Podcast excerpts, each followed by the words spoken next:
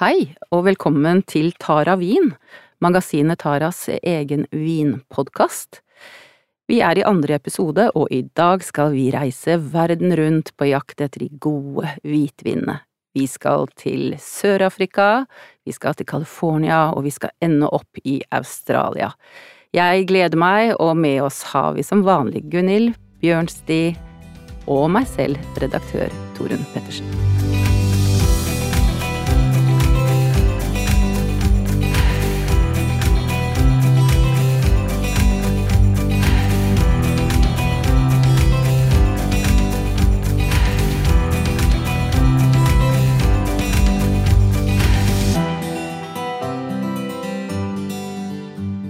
Ja, Gunhild, i dag så skal vi egentlig snakke om noe som mest av alt gir gode sommerminner, syns jeg, når jeg tenker på hvitvin, som er det vi skal snakke om i dag. Du skal gi oss tre vinterhvitviner. Da er det jo det som får Det, er, det, følger, med, det følger alltid med litt kvinneglam, føler jeg, når vi snakker hvitvin, og du ser for deg herlig terrasseliv, flotte glass og varme kvelder, og der sitter vi og smaker på hvitvin.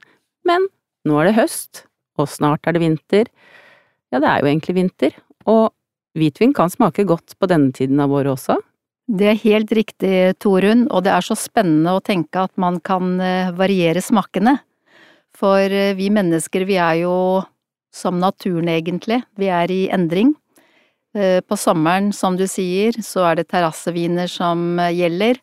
Det er lett lette, friske smaker.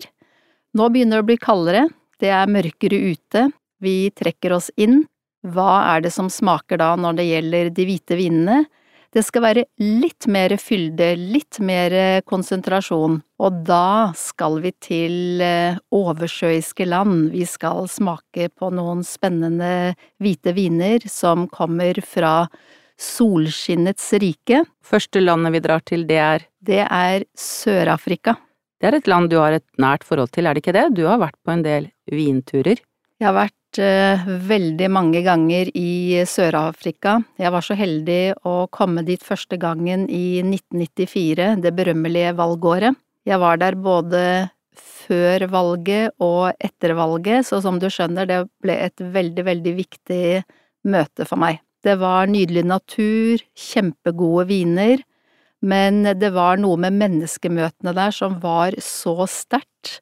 Det var å komme til et land med store forskjeller, veldig forskjellig fra Norge, men den stå-på-viljen menneskene hadde der, det gjorde at eh, jeg tenkte dette landet vil jeg følge opp, og det har jeg gjort. Men hva er det som kjennetegner Sør-Afrika som et vinland? De um, har nå en uh, ung generasjon med vinmakere som uh, lager veldig, veldig spennende viner. Eh, det er en vinstil som passer oss i Europa i og med at eh, de har fin fruktighet og er lettere enn den stilen som deres eh, foreldre og tidligere generasjoner gjorde. Sør-Afrika var mer kjent for viner som hadde høy alkohol og litt for kraftige for europeisk smak, men nå er de helt der hvor de skal være. Hva er det som har skjedd? Det som har skjedd, det er at uh, disse vinmakerne, de går jo ofte på skoler sammen, de samarbeider, og et område som heter Svartland har blitt veldig populært. Der er det rett og slett uh, en gjeng med vinfolk som kalte seg for uh, The Svartland Revolution.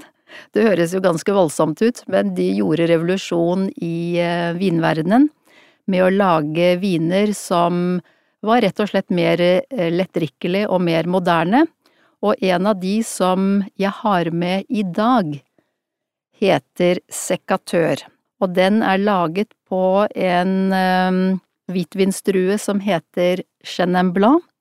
Den er mest kjent fra Loiredalen, men den kommer også til et fantastisk uttrykk i Sør-Afrika. Og det er pris? Den ligger på 185 kroner, og det jeg vil fortelle om denne vinen her, det, det er at det er laget av en veldig kul vinmaker som heter Adi Badenhorst. Han er en sånn rockevinmaker med hestehale, og han har sånn ordentlig grammofon i, i vineriet sitt. Og det er ikke et uh, luksuriøst uh, vineri, så når vi har med grupper til uh, Sør-Afrika, så kommer vi til ofte disse fancy vingårdene, man er helt imponert over arkitekturen og hageanleggene, men når vi står på flyplassen i Cape Town og skal reise hjem, så sier de vet du hva, dette var en fantastisk reise, men det viktigste besøket, det var å komme til Adi Badenhorst.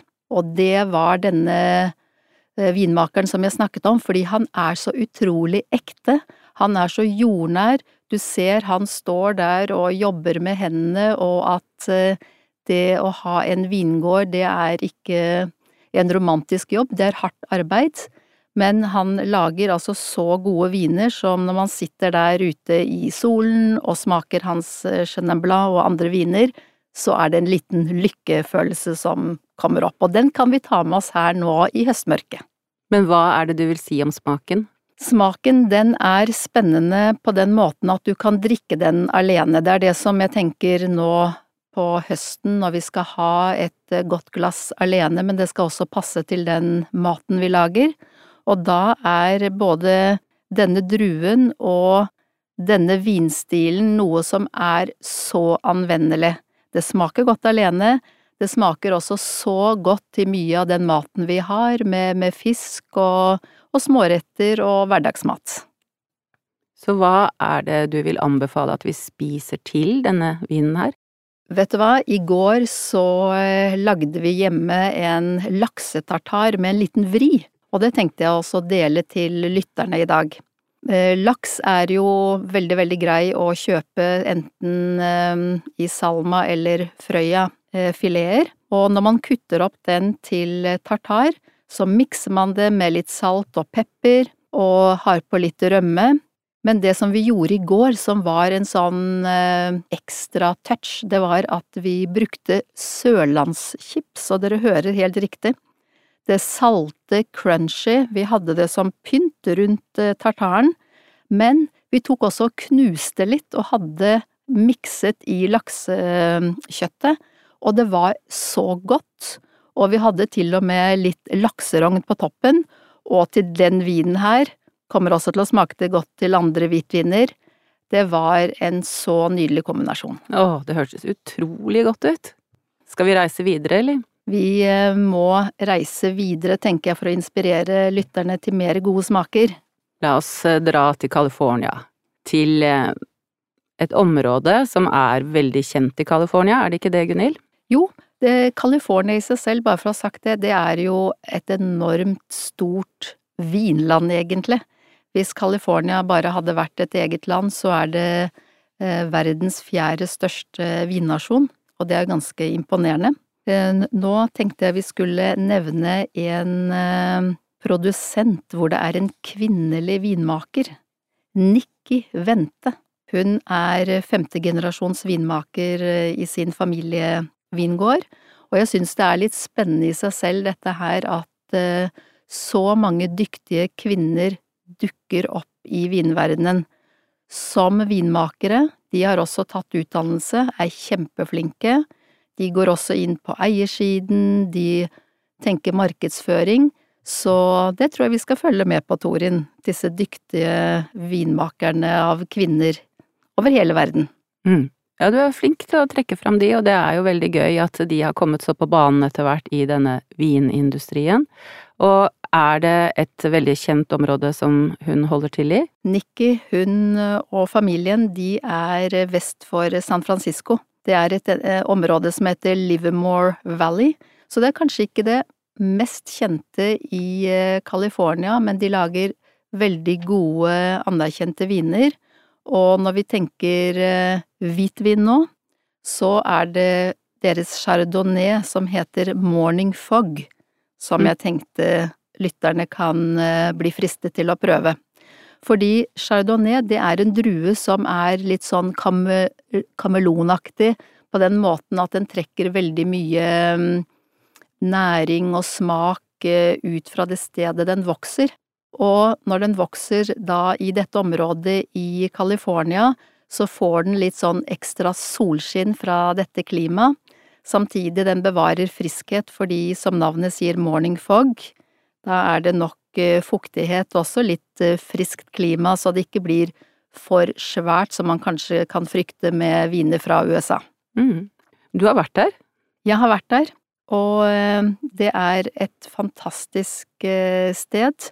Så det er jo noe med at når man har kommet til et land, et område, møtt menneskene som lager vinen, så får man et veldig personlig forhold til det i etterkant. Så nå reiser vi jo ikke til eh, California i denne podkasten, men kanskje, Torunn, mm. til neste år at vi, tar, vi drar på tur? Absolutt, det syns jeg er en kjempegod idé. Du, hva skal du si at du kan bruke denne vinen til? Vet du hva, dette her er også en veldig, veldig anvendelig stil som smaker helt nydelig på egen hånd.